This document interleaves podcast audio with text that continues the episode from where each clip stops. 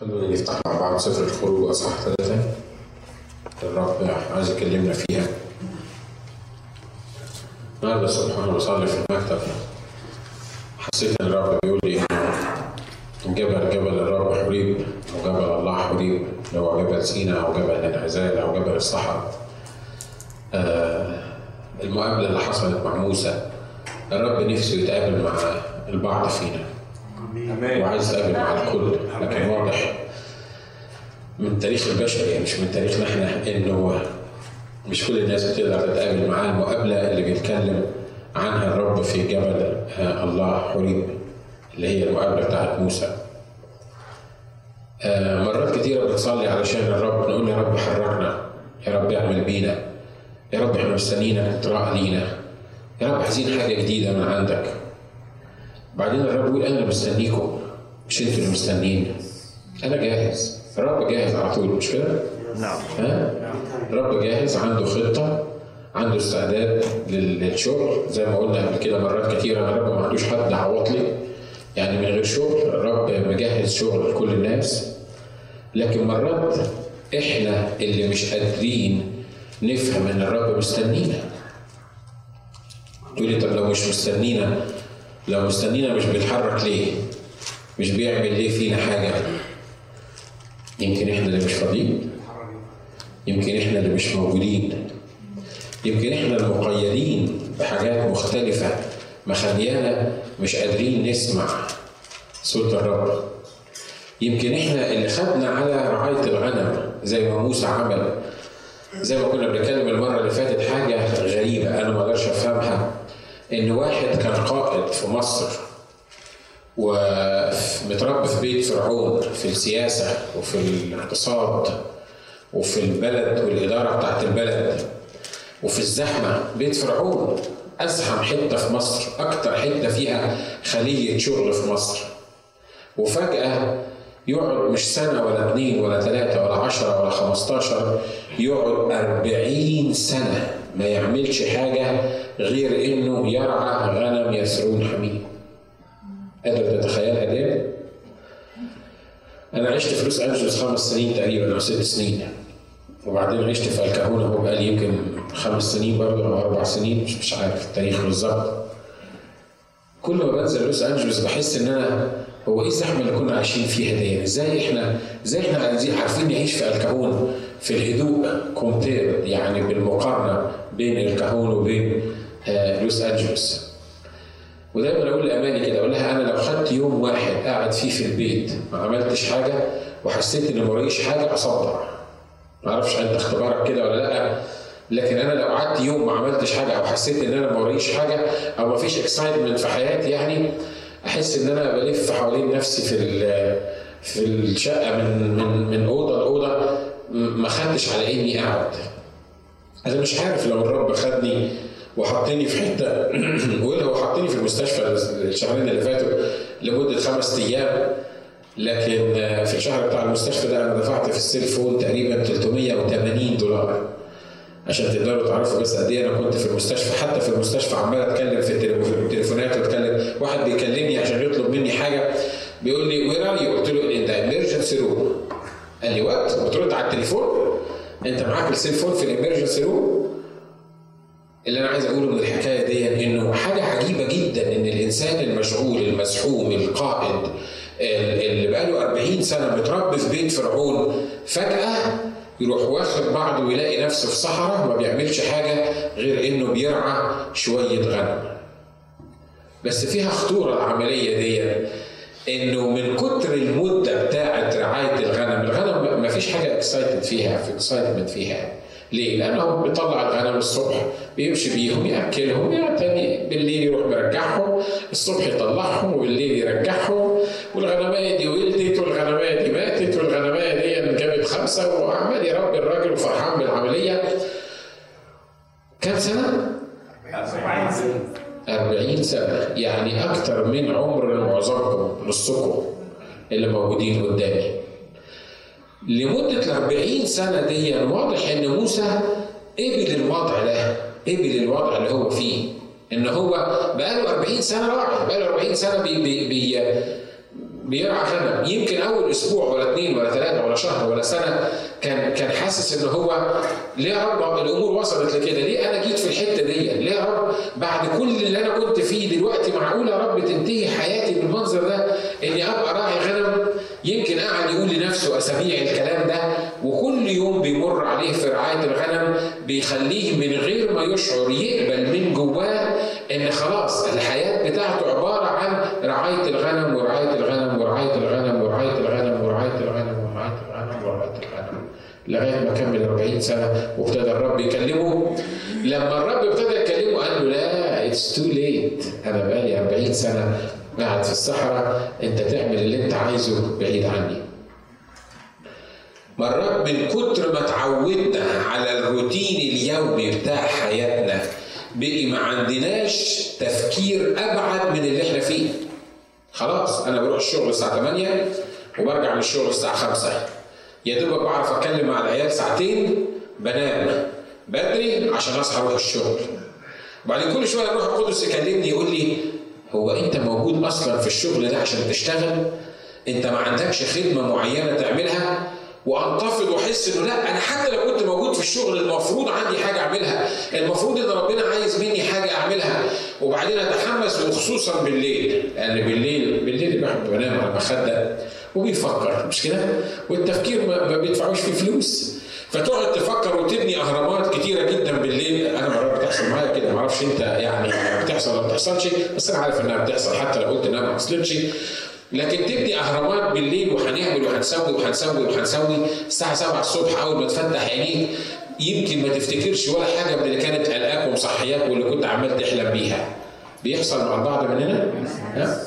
وبعد كده تلاقي نفسك اتشغلت من الساعة 8 للساعة 5 الوقت ضاع جيت خدت الدينر مش عارف تعمل إيه وبعدين ابتديت تنام تاني ابتديت تحلم مرة تاني وهكذا. السايكل بتشتغل بالليل تحلم وتفكر وتقول هنعمل وتاني يوم تلاقي نفسك صحيت. ومن كتر ما حصلت الحكاية دي في حياتك سلمنا إحنا من جوانا حسينا ان هو ده اللي المفروض يحصل وخلاص. 99% من اللي بيجوا البلد دي بيشتغلوا في gas station. و there is nothing wrong إنك تشتغل في gas station. مفيش أي مشكلة إنك تشتغل في gas station. بس فيهم ناس بيبقوا عندهم إمكانيات عقلية وعندهم إمكانيات علميه وعندهم حاجة مش هو ده أصلا اللي هو لما كان في ابتدائي ولا كان في إعدادي كان حاطه في دماغه ان هو هتنتهي بيه المطاف إنه يشتغل في gas station. لكن جه في البلد في الدوامة اللي إحنا موجودين فيها ولقى نفسه كل اللي بيعرف يعمله رغم إن عنده الامكانيات إنه يعمل حاجة غير كده لكن هو اقتنع بال gas station ليه؟ قال لك نشكر الله ده أنا كنت باخد 7 دولار دلوقتي باخد 8 دولار عايز إيه تاني؟ ده ده أنا كمان خدت 8 دولار وربع ويمكن مثلا هيزودوني كمان دولار. هو مش بيفكر أبعد من ال gas station تقول يا gas station دي في الوعظة؟ آه في الوعظة صدقوني مش كده؟ لأن الوعظة بتاعنا إحنا اتفقنا إن الوعظة عملي مش كده؟ ها؟ هو هو كل فرحه ان هو من 6 دولار بقي 7 دولار ونص بس هو still برضه فين؟ في ال gas station برضه من 7 وربع بقي دلوقتي 8 وربع مش بتكلم عن حد أمام الرب لأن كل حد بيحصل في حياته كده لكن دايما كنت بهز الناس اللي حواليا ولغاية دلوقتي بعمل كده ويا ريت أقدر أجي أهزك فعلا literally من على الكرسي وأقول لك إنك أصلا مش معمول إن الله ما جابكش أمريكا عشان تشتغل في gas station.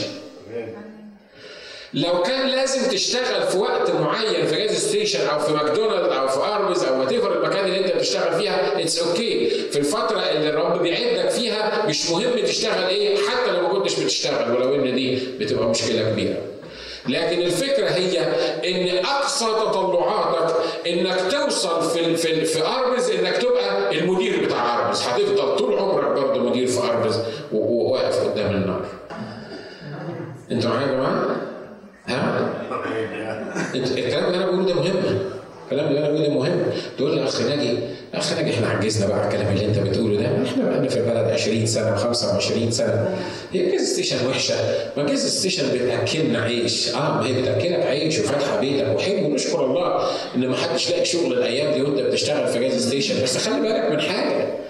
مرات بتبقى ال gas station اللي انت شغال فيها أو what حتى لو كنت شغال دكتور الشغلانة اللي, اللي انت بتشتغلها دي بتبقى دي الصحراء اللي انت حطيت نفسك فيها لمدة سنة و42 سنة you are satisfied مبسوط مستريح باللي انت بتعمله. مفيش أبعد من كده مفيش بكرة لا يحمل ليك أي حاجة.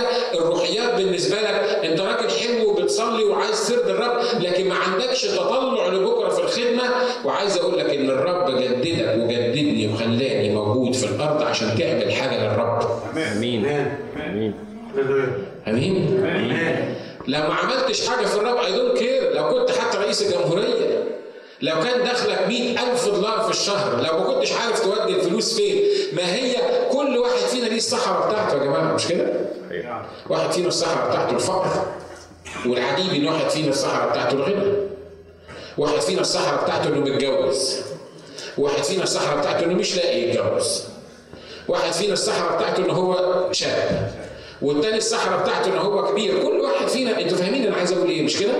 كل واحد فينا إبليس مجهز صحراء لكل واحد يفضل يرعى فيها شوية الغنمات ويفرح بقى بالغنمات وكل يحس إن هو راجل بيعمل شغل دلوقتي الغنم بتاعه زي يعقوب كده مكانه عددهم كذا دلوقتي بقي كذا ويعقوب لف حوالين نفسه 21 سنة.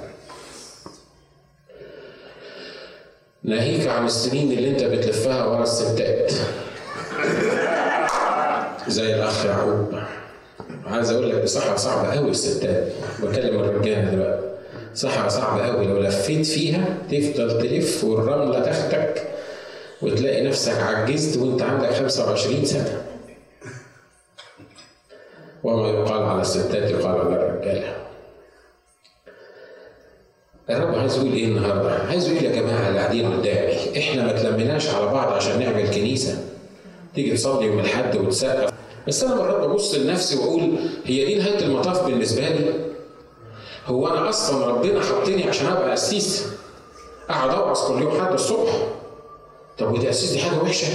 ما انت بتكبر الناس وبتنمي الناس وبتخلي الناس لو أنا تخيلت في يوم من الأيام إن كل الديستني بتاعتي أو كل اللي الرب حاططني عشانه إن أنا أبقى قسيس للكنيسة دي أو لغيرها حتى لو كان اعضائها 200 ألف أنا هبقى أفشل جميع الناس على الأرض ليه؟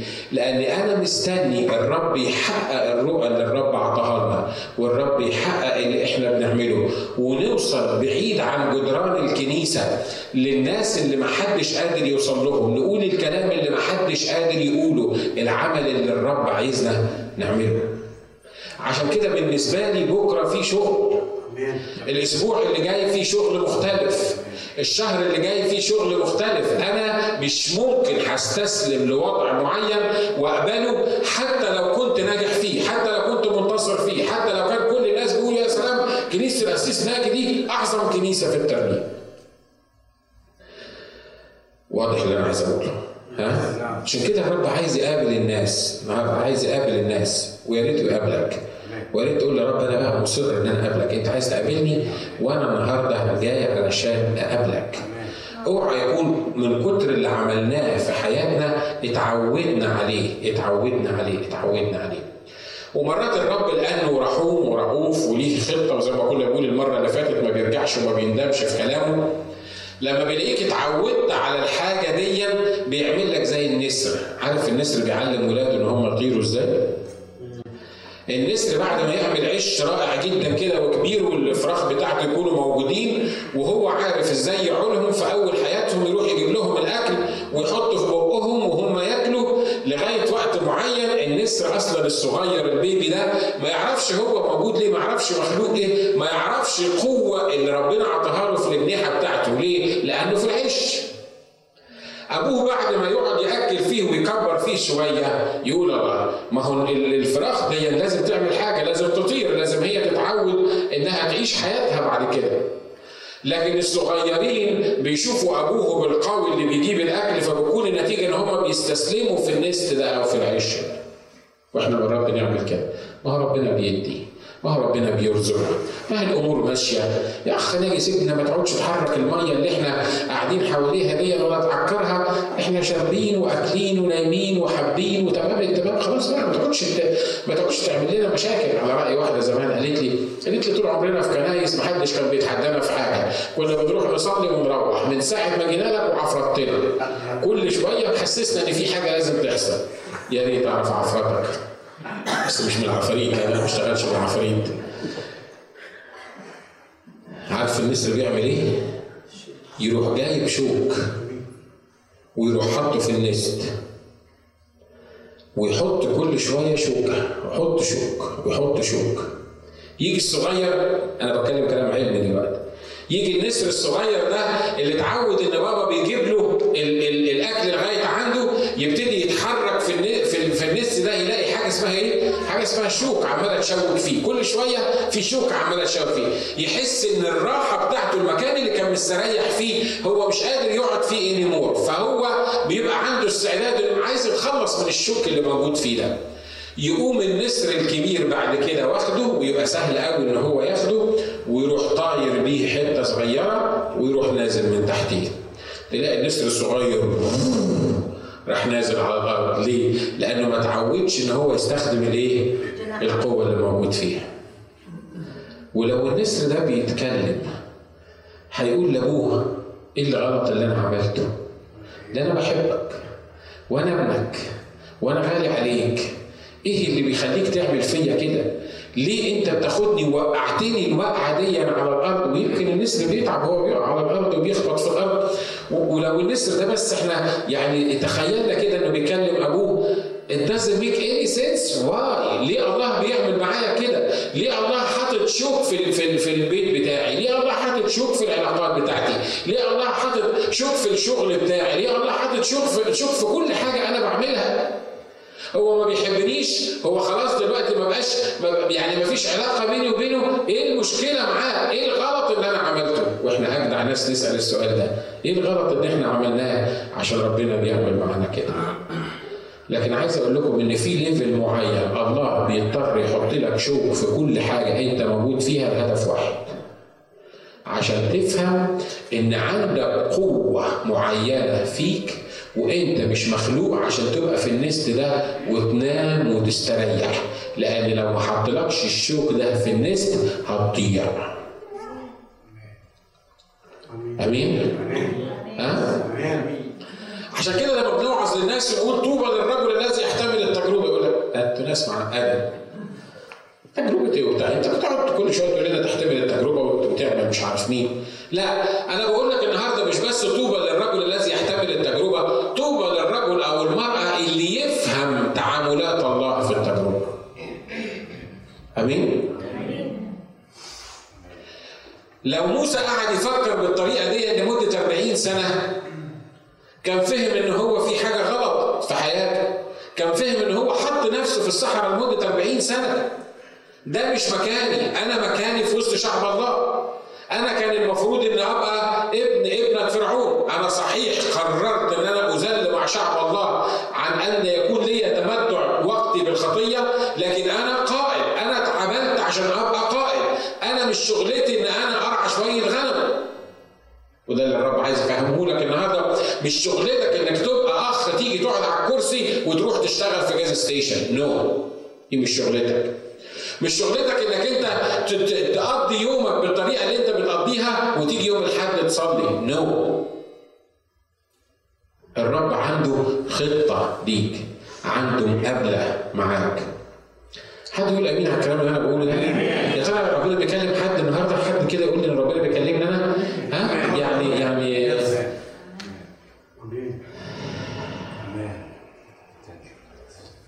والرب عارف إمتى يقابلك وعارف إزاي يحركك من المكان بتاعك. اتكلمنا المرة اللي فاتت في سفر الخروج لغاية ما وصلنا وقال في عدد خلينا نقرأ من أول إصحاح ثلاثة عدد واحد وأما موسى فكان يرعى غنم يسرون حميد كاهن مديان فساق الغنم إلى وراء البرية وجاء إلى جبل الله هوريب وظهر له ملاك الرب بلهيب نار من وسط عليقه فنظر واذا العليقة العليقة تتوقد بالنار والعليقة لم تكن تحترق. فقال موسى أميل الآن لأنظر هذا المنظر العظيم. لماذا لا تحترق العليقة؟ فلما رأى الرب أنه مال لينظر ناداها الله من وسط العليقة. خلي بالكم القصة دي فيها حاجات كتير لازم ناخد بالنا منها. أولا إن موسى وصل إلى جبل الرب حريم أو جبل حريم وظهر له ملاك الرب بلهيب نار وسط عليقة. موسى نفسه قال إيه؟ فنظر وإذا العليقة تحترق. أول حاجة عملها إنه بص على العليقة. مش كده؟ لما شاف العليقة بتحترق وبتتقد ما قالش وأنا مالي. يعني ما الصحراء كلها ممكن تبقى نار. والدنيا حر وممكن العليقه دي يابسة وممكن النار تشتغل فيها. لا لفت نظره إن في حاجة مختلفة بتحصل في العليقه دي حاجة فوق الطبيعية حاجة مش طبيعية إنها تحصل إن في نار في العليقه دي العليقه تتوقد بالنار لكن العليقه لا تحترق. فأول حاجة عملها موسى في الحكاية دي إنه لفت نظره المشهد ده وبعد ما لفت نظره المشهد ده هو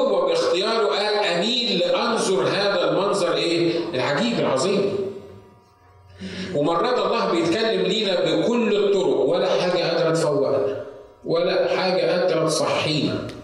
حوادث لا نافعه، أفراح مش نافعه، علاقات حلوة تبقى تمام، علاقات تتكسر برضه مش نافعه، الله عمال يتكلم ويتكلم ويتكلم ويتكلم. تقول لي طب وليه الله ما يمسكنيش كده من القميص بتاعي ويروح مثلا رازعني قلمين ويقول لي أنا بكلمك يا بني مش طريقه ربنا يعمل كده. مش هيتكلم بطريقتك انت الخاصه أنتوا فاكرين صمويل؟ النبي وهو صغير؟ لما الرب بيقول له صمويل صمويل. هو عمل حاجة كويسة قوي هو واد صغير والدنيا كانت ليل وكانوا نايمين مش كده؟ أنا لما صمويل وبعدين صمويل ده كان كان يعتبر بيبي يعني طفل لسه صغير. أنا لما صمويل ده كنت قلت إيه؟ معقولة علي الكاهن بي بيندهني؟ حتى لو ندهني الدنيا ليل هو عايز إيه؟ ما هو نام خليه ينده كان ممكن يعمل كده مش كده؟ لكن الكتاب بيقول ودي استعدادات نفسية أو روحية الرب بيديها للواحد، الكتاب بيقول إنه أول ما سمع الصوت دون راح قام وراح لعلي الكاهن قال له أنا لانك ناديتني. فعلي الكاهن قال له لا أنا ما ندهتكش روح نام. جه الرب مرة تاني بيقول له صمويل صمويل. أنا لو من صمويل بقى في المرة الثانية ما أنا لسه جاي من عند علي الكاهن وقال لي إن أنا ما ندهتكش مش كده؟ كنت قلت لنفسي إذا صمويل أنت بتخرف ولا حاجة والدنيا ليل في في في خيمة الاجتماع ولا في المكان اللي أنت فيه ده؟ لا ده مش ممكن يكون. وهيروح لعلي الكاهن ليه؟ ما هو لسه رايح لعلي الكاهن دلوقتي على طول وساله قال له أنا ما دهنتكش يا ابني روح نام. لكن العجيبه إن الكتاب بيقول إن لما الرب اتكلم المرة الثانية حصل إيه؟ راح راح للمرة الثانية وبعدين قال له ها أنا ذا لأنك ناديتني. اللي أنا عايز أقوله من الكلام ده إن لما الرب يبقى بيناديك سواء بحاجة حلوة أو في ذهنك حاجة مش وحشة يا ريت تصحى وتقول اميل الآن وأنظر إلى هذا المنظر العجيب. يا إخوة اخوات ما فيش حاجة في حياتنا بتحصل بالصدفة. No no way. ما فيش حاجة في حياتنا بتحصل بالصدفة، لو حاجة حلوة لو حاجة وحشة، على فكرة الحلو والوحش ده دي حاجة relative بالنسبة لك أنت أو دي حاجة نسبية بالنسبة لك أنت، اللي أنت بتشوفه حلو في حياتك يمكن أنا أشوفه وحش واللي أنا بشوفه حلو أنت ممكن تشوفه وحش. لكن الفكرة من الموضوع إن الله مستني واحد لما يشوف الله بيبتدي يتكلم معاه. موسى هنا قال أميل وأنظر إيه؟ هذا المنظر العجيب. خلي بالكم من حاجة الكتاب بيقول هنا عدد أربعة إمتى الرب كلمه؟ إمتى الرب هو الرب طلع له صحيح لكن إمتى بيقول لك فلما رأى الرب أنه مال لينظر ناداها الله من وسط العليقة العليقة كانت بتحترق بالنار. لو موسى بس للعليقة وخد بعضه ومشي. خلاص مشي. مش كده؟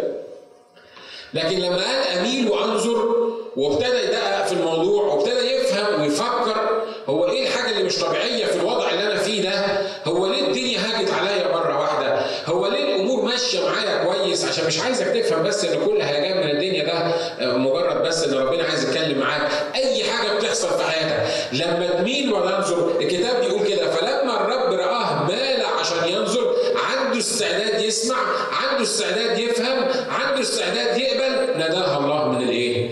من العملاق تقول لي هو ربنا ما بيكلمش ليه؟ يا ريت يكلمني زي ما كلم موسى كده. ألاقي مثلا بيتنا مولع ولا عربيتي مثلا فيها النار وما بتتحرقش وبعدين ربنا يكلمني من الدركسيون ويقول لي ما إحنا ممكن نتخيل حاجات كتيرة. لا يا جماعة الرب بيتكلم. الرب بيتكلم. الرب بيتكلم. خلي بالكم من درس مهم جدا في الكلام بتاع الرب. الرب عايز يدربنا على سماع صوته. number 1 problem بالنسبة للمؤمنين هو سماع صوت الله. مش كده؟ حتى الخدام.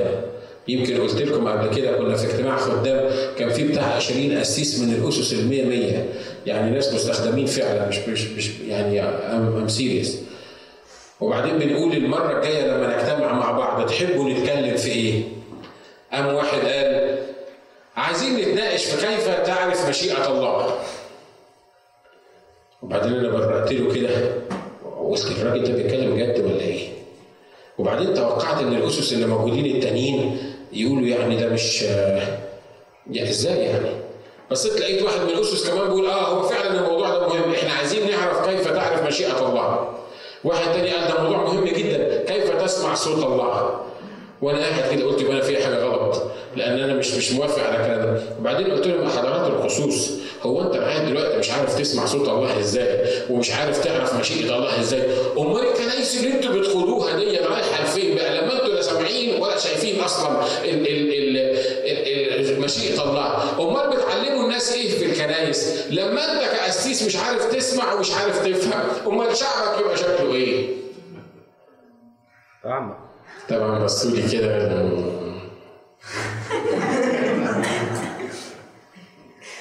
أنا بقول المثل ده ليه؟ لأن ده number 1 problem number 1 problem إنك تعرف تسمع هو ليه الله ما بيكلمنيش؟ هو أنا أعرف مشيئته عارف ليه الله ما بيكلمكش؟ لأنك بتشوف العليقه بتتقد بالنار الله عامل في حياتك حاجة مهمة جدا وأنت وأنا بناخد بعضنا وبنمشي وبنعتبرها صدفة اهي بتحصل في حياة كل الناس المشاكل على كل الناس الحاجات الحلوة بتقابل كل الناس. عشان كده ما بميلش وأنظر هذا المنظر العظيم والعليقة وهي تشتعل وتحترق فعشان كده ملاك الرب اللي واقف دون أول ما يبص لي ويلاقيني واخد بعضه وماشي. يقول لك طب استنى عليه شوية ده مش جاهز على الشغل. خلي بالكم هو نداه عشان يقول له إيه؟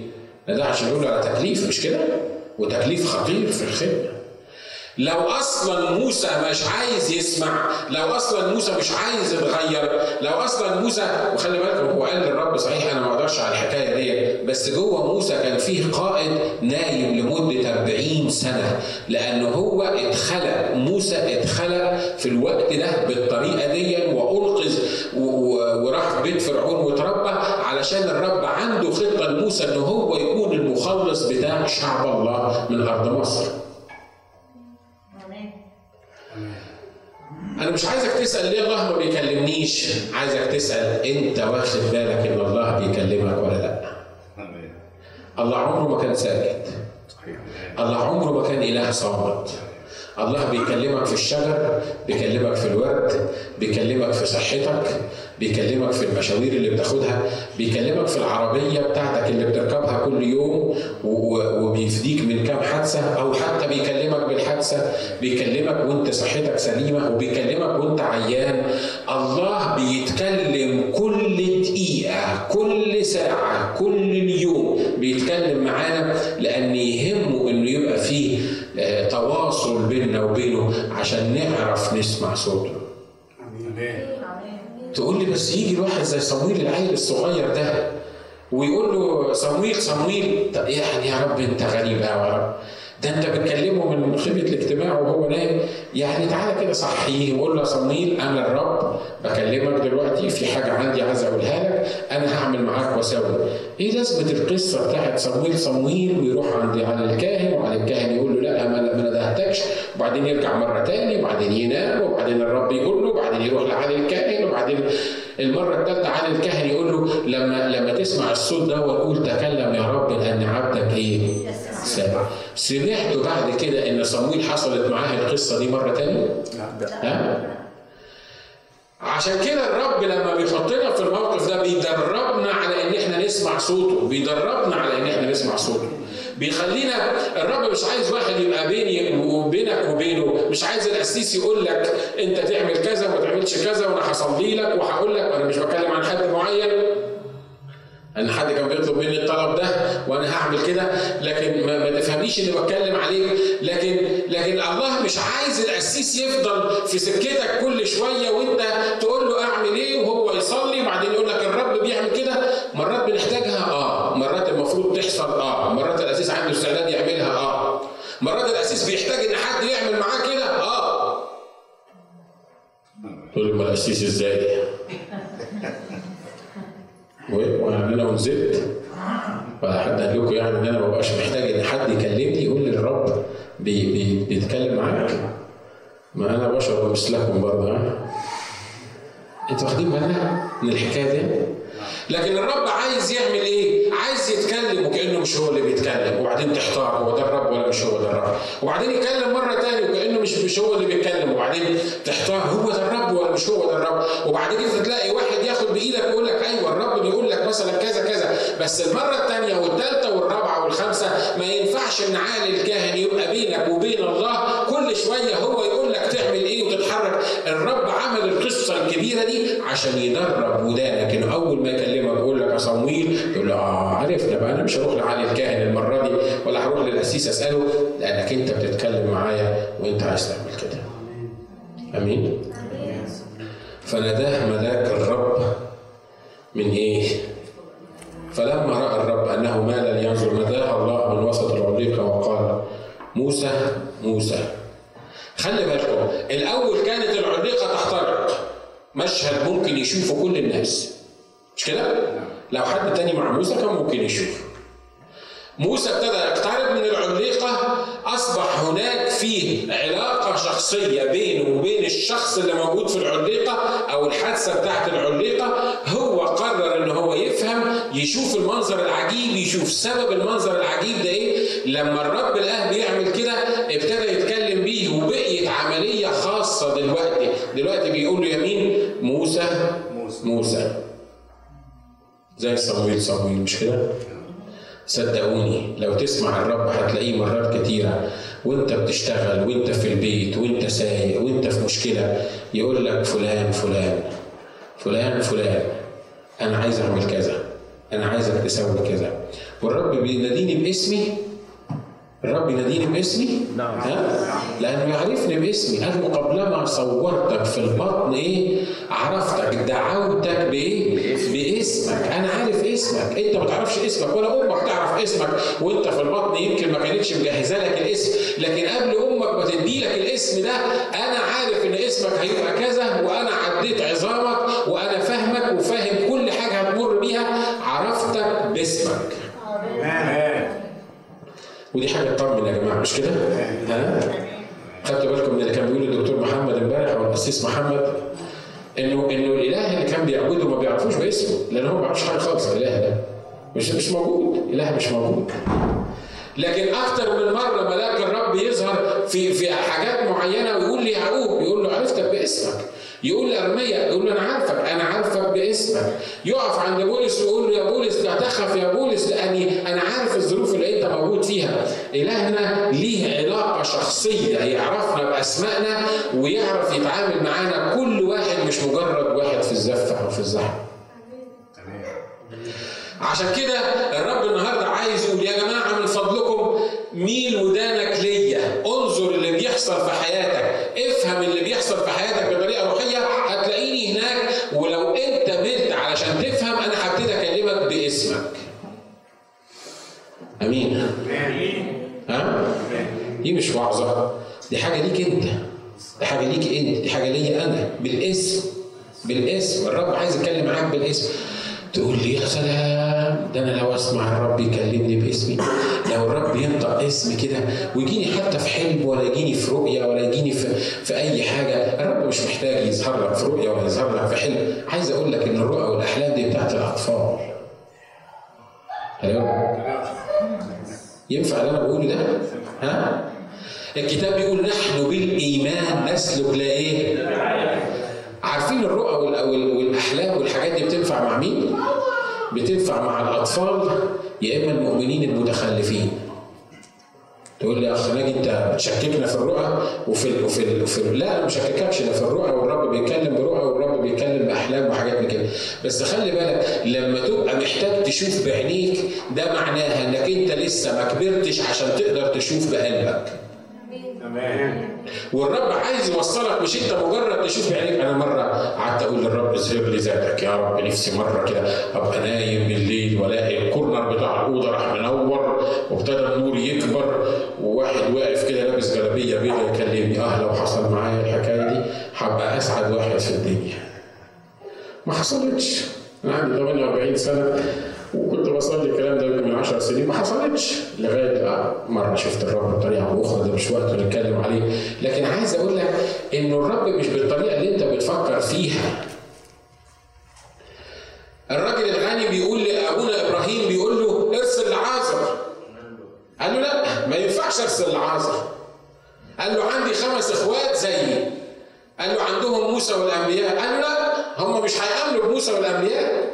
هو لو قام واحد من الأموات هيامنوا اللي رد عليه قال له إيه؟ قال له ولا لو قام واحد من الأموات اللي مش هيصدق موسى والأنبياء اللي مش هيصدق كلمة الرب حتى لو واحد قبله من الموت برضه مش هيصدق عشان كده الرب عايز يدربني ويدربك إن إحنا نسلك بالإيمان لا بالإيه؟ لا بالعيان، الرب عايز يفطمنا يا جماعة، الرب عايز يكبرنا، ما اصل خلي بالك الرب مش هيديلك الخطة الكبيرة بتاعتك وأنت لسه بيبي.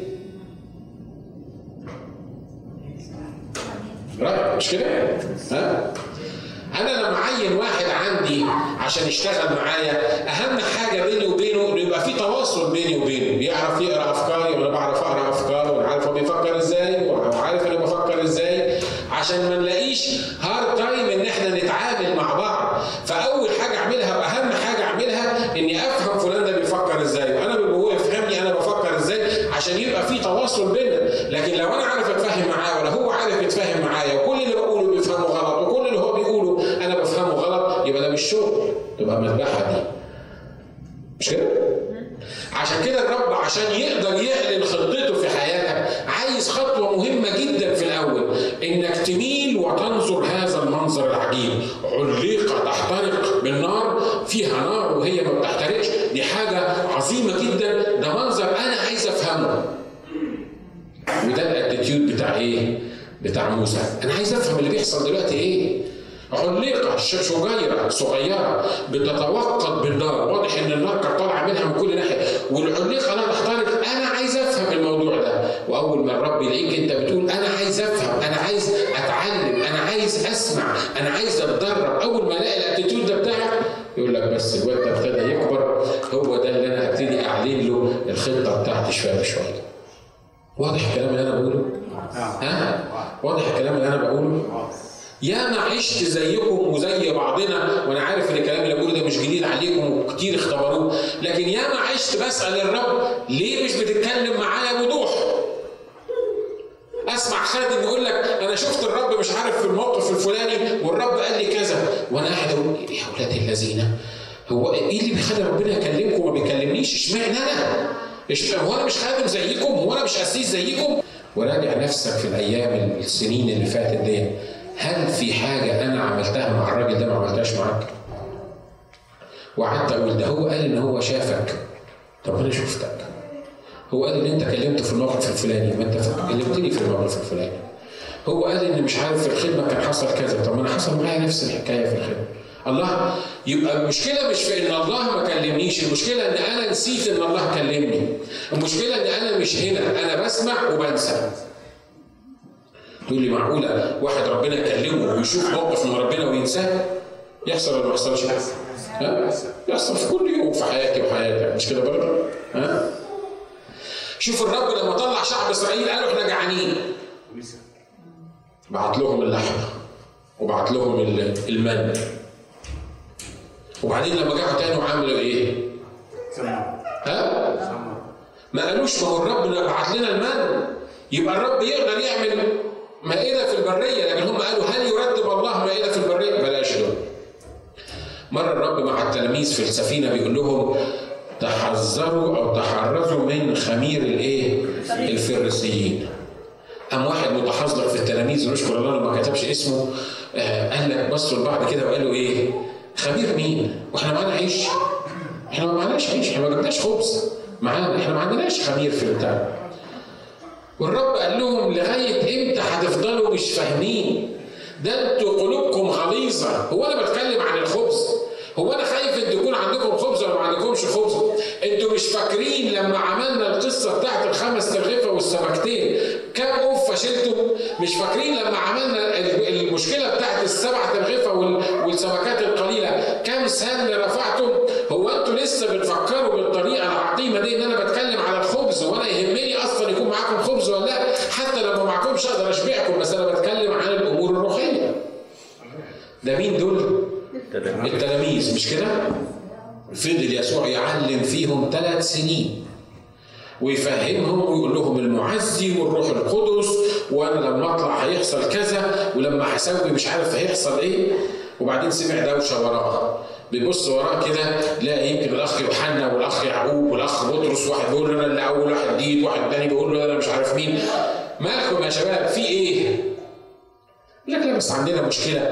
هو مين هيقعد عن يمينك ومين هيقعد عن يسارك في ملكوتك؟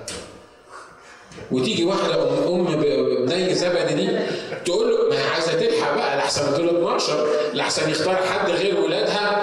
فقالت لك لا ده أنا طب ده أنا اللي سكتني إن الولاد مشيوا معاه على أساس إنه هيعملهم وزراء. يقعد واحد عن يمينه ويساره. فراحت له قالت له قل أن يجلس ابني واحد عن يمينك واحد عن إيه؟ يسارك. كنت هقول لا إله إلا الله دلوقتي والرب عايز يقول لهم أنا بتكلم بطريقة روحية عايز أفهمكم أمور روحية. أنا عايز أتعامل معاكم بطريقة روحية. أنا مش عايزك تضيع وقتك مش عايزك تضيع عمرك. الساعة الساعة بتجري ما بتقفش. الثانية اللي بتعدي ما بترجعش. وأنا عندي خطة ليك عايزك انك انت تاخد بالك منها. الكتاب بيقول فقال هنذا فقال لا تقترب إلى هنا اخلع حذاءك من رجليك لأن الموضع الذي أنت واقف عليه أرض إيه؟ أرض مقدسة. تقول لي طب ما الأخ موسى هو قال له لازم تخلع حذائك إحنا المفروض وإحنا داخلين الكنيسة كل واحد يقلع الجزمة بتاعته. لا ده الكلام ده كان أيام موسى لأن كان دعواتهم أرضية وبركاتهم أرضية والأمثلة بتاعتهم أرضية زمنية. لكن إحنا الكتاب بيقول إن إحنا بنسلك بالإيمان لا إيه؟ بالحياة. الله ما كانش ساكن في الأرض ساعتها. الله كان بيختار حتة معينة في الأرض ويروح نازل فيها. عشان كده المكان اللي موجود فيه الله ده بيقول للناس اقلعوا الجزم ويعني هي الجزم هي أكتر حاجة وسخة في ال في ال في, في البني آدمين طب ممكن تكون الجلابيه ده وقاعد مع الغنم وقاعد ريحته تكون مش كويسة يعني. إيه حكاية الجزم دي؟ الرب عايز يقول السلوك الطريقة اللي اتعودت بيها المشي بتاعك الرملة اللي هي علقت برجليك مش ده اللي حصل مع بطرس؟ لما لما جه يغسل له رجليه. بطرس قال له انت هتغسل لي رجليا. خلي بالكم إن ما كانش ينفع التلميذ يعمل كده للمعلم بتاعه إن هو يحل الجزمة بتاعته ويغسل له رجليه. دي كانت العبد يعملها للسيد بس. لكن السيد بتاع البيت يعني لما يجيني حسب التقليد القديم لما يجيني واحد يزورني أنا كالسيد بتاع البيت أنا ما أغسلوش رجليه. العبد بتاعي هو اللي يغسل له إيه؟ رجليه. عشان كده بطرس قال له الله أنت بتحط نفسك كأنك العبد بتاعي انت انت انت إزاي تغسل رجليا؟ قال له خلي بالك إن لم أغسلك فليس لك معي إيه؟ نصيب. ما هو عايزين نفكر يا جماعة في الكلام ده. أنتوا تعبتوا؟ زهقتوا ولا إحنا عايزين نفكر في الكلام ده. يعني يا بطرس لو ما غسلتش رجليك ما يبقاش ليك نصيب مع الرب. إزاي يعني؟ إيه إيه حكاية رجليه دي يعني يعني إيه اللي في رجليه يعني إيه المشكلة اللي في رجليه اللي هتخليه لو ما غسلهمش؟ الرب مش هيخش مع الرب. الكتاب بيتكلم عن السلوك هنا بيتكلم عن عن الطريقة اللي اتعودنا عليها عن الحاجة وإحنا ماشيين في العالم عن الوساخة اللي علقه بينا وإحنا ماشيين في العالم. الأخ بطرس ما فهمش. قال له لا ما اكونش معاك. ده أنا عندي استعداد مش تغسل رجليا. ده أنت اغسل دماغي وحميني كلي أنا اخد شاور أنا مستعد إنك أنت تديني شاور قال له لا لا لا. خلي بالك من حاجة. الذي اغتسل ليس له حاجة إلى إلا إلى غسل إيه؟ رجليه. عشان كده الرب أول ما اقترب موسى قال له اقلع الجزمة اللي أنت لابسها دي ليه؟ لأن المكان اللي أنت واقف عليه مقدس طب وإحنا ما بنقلعش الجزمة ليه؟ أصل دلوقتي الرب مش موجود في مكان مقدس أنا بخشه ده الرب أصلا أنتم هيكل الله وروح الله يسكن فيكم فبقي إن الهيكل بتاع الله أو مقر الله مش في مكان بره لكن ده جوايا. امين عشان كده وأنا ماشي في الحياة أنا لازم أمشي من غير جزمة. ألو يعني إيه لازم امشي من غير جزمة؟ بتبقى فضيحة لو إحنا مشينا من غير جزمة مش كده؟ اشمعنى الجزمة؟ هقول لك ليه؟ لأن الجزمة دي أو الحذاء معرفش العراق بيسموها إيه لكن دي نقطة التلامس بيني وبين الأرض. صح صح؟ الحتة الوحيدة اللي بتلمس البني آدم من في الأرض وهو ماشي هي إيه؟ الحذاء مش كده؟ فهو هنا لو تخيلنا أن الله في المنطقة دي والحتة دي ما فيهاش الله. وأنت لابس الحذاء هنا أنت متصل بالأرض. أنت هتخش مستوى تاني أو ليفل تاني ما فيهوش الأرض الطبيعية دي لأن الأرض البقعة الجديدة دي بقعة مقدسة ملهاش علاقة بالبقعة اللي بره الحتة دي. علشان كده حضرتي وحضرتك لما تبتدي تخش للمحضر ده تلامسك مع الأرض الحاجة اللي ربطاك بالأرض لازم تقلعها وتسيبها وتروح داخل جوه الليفل الجديد أو الدايرة الجديدة بتاعت الرب تبقى منفصل تماما عن إيه؟ عن العالم. عشان كده الكتاب بيتكلم عن الجبل ده سماه حريب وزي ما قلنا المرة اللي فاتت حريب معناها صحراء أو معناها انعزال. شخص يكون إيه؟ شخص يكون معزول. والرب قصد إن هو يقابل موسى في الحته دي. بيقول له لأن الموضع الذي أنت واقف عليه إيه؟ أرض إيه؟ مقدسة. التقاليد اللي موجودة في الكنائس كتيرة. وأنا ما تعودتش أتكلم ضد حد من الكنائس لكن عايز أقول لكم حتى الكنائس اللي بتقلع الجزمة it's good intention good يعني حاجة دافع كويس إن هم يقلعوا ال- ال- الجزمة إحنا عندنا كنايس في مصر علشان تخش مثلا الهيكل اولا لازم تقلع الجزمه ثانيا لازم تقعد تبوس في في البتاع ده في الستارة بتاعت ال- الهيكل وأنت موجود. يا ويلك لو فتحت بقك أو اتكلمت جوه الهيكل تخش الهيكل جوه تبقى زي الصنم ما تتكلمش. آه، إن كنت هتتناول جوه أو مش هتتناول جوه وأنت طالع. ما تقدرش يعني أنت طالع من الهيكل وبتلبس الجزمة وما تقدرش تدي ظهرك. للهيكل وانت موجود انت المفروض انك انت بعد ما تلبس الجزمة ترجع بظهرك وترجع وترجع وترجع لغاية الباب في حاجة ورايا لغاية الباب بتاع ال ال ال الكنيسة وبعدين تروح عامل الصليب وتاخد بعضك وترجع دي اسمها إيه دي؟ اسمها عبودية مش كده؟ ها؟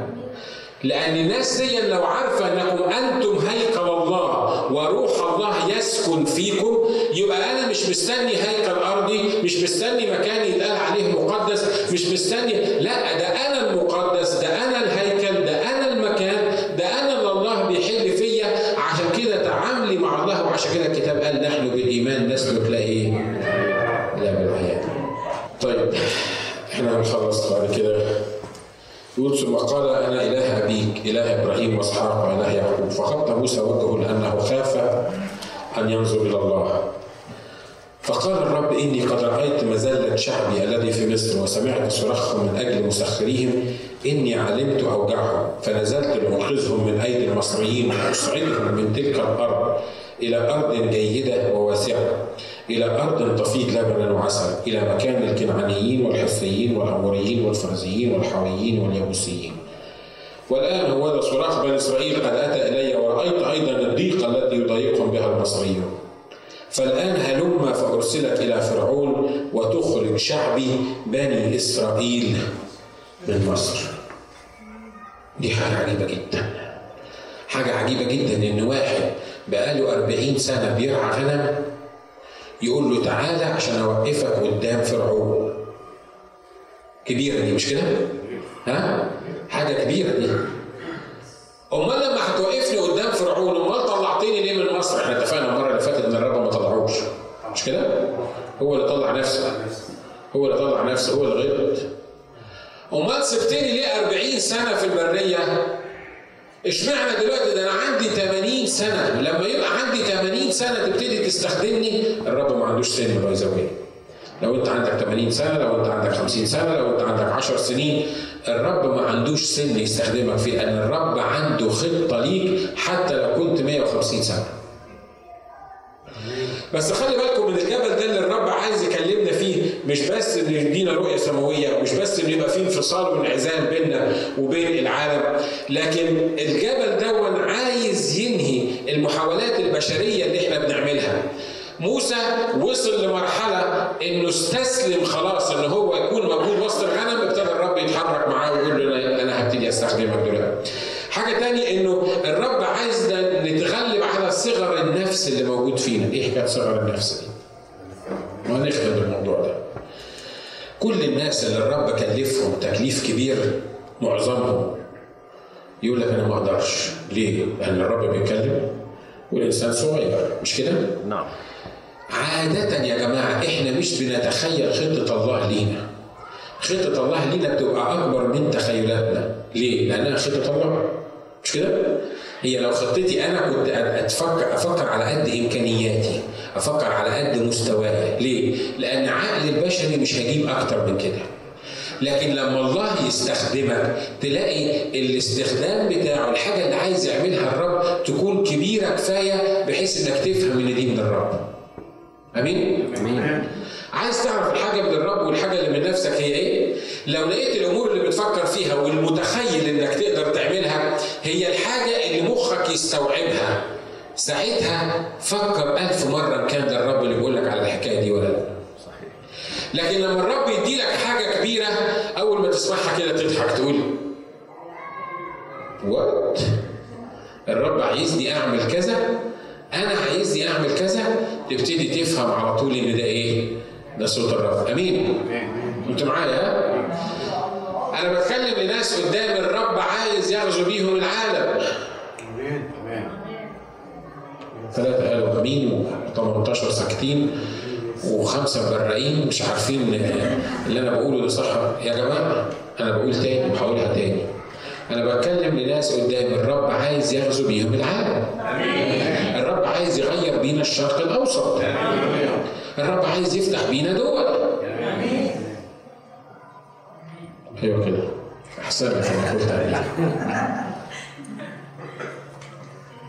تقول لي أخ ناجي أخ ناجي انت أنت لما بتتكلم واحد قال لي كده زمان انت لما بتتكلم بتحمسنا بتخلي الواحد طالع من الاجتماع عايز يبقى يعني يعني لو ماسك بلدوزر هيبتدي يشتغل مع الناس يعني. بس لما بنعيش شوية بنلاقي الموضوع هبط يا جماعة أنا مش بحمسكم أمام الرب ما بحمسكم. أنا أؤمن إنه من خلالي ويا ريت تحط اسمك بدالي لأن أنا عارف إن الكلام ده ليك مش بس ليا. أؤمن إن من خلالي الرب هيغير الشرق الاوسط وأؤمن إن ناس من اللي موجودين قدامي هنا الرب عنده خطة ليهم وعمل هم مش هيتخيلوا لا هم ولا أهليهم حتى يقدروا يتخيلوا إنه في يوم من الأيام قصده يعمل كده مع الناس اللي موجودين.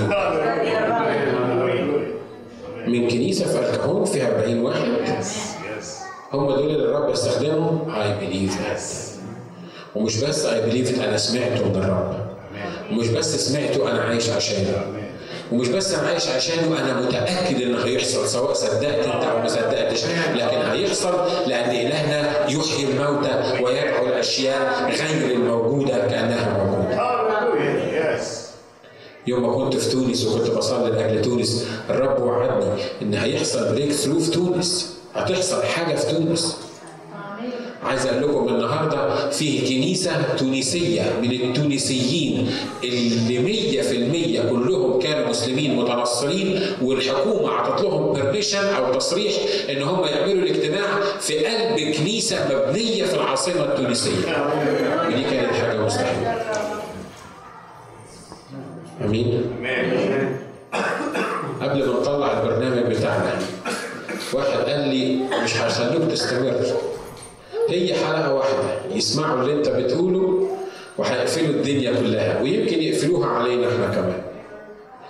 وإحنا بقالنا 10 حلقات عمالين نتكلم ونتكلم بصوت عالي ونشكر الله ما قفلوهاش. والست اللي بتعمل الحكاية دي هي ما قالتليش بس أنا متأكد إن هي عاجبها البرنامج. عشان كده بتسألني تحب اذاع لك الحلقات دي مرة تاني؟ كل مرة تكلم تقول لي اذاع لك الحلقات دي مرة تاني تبعت لنا حلقات جديدة موجودة عندكم. وهنوصل للشرق الأوسط وهنعلن الحق في الشرق الأوسط والشرق الأوسط هيتغير باسم الرب يسوع. آمين. آمين.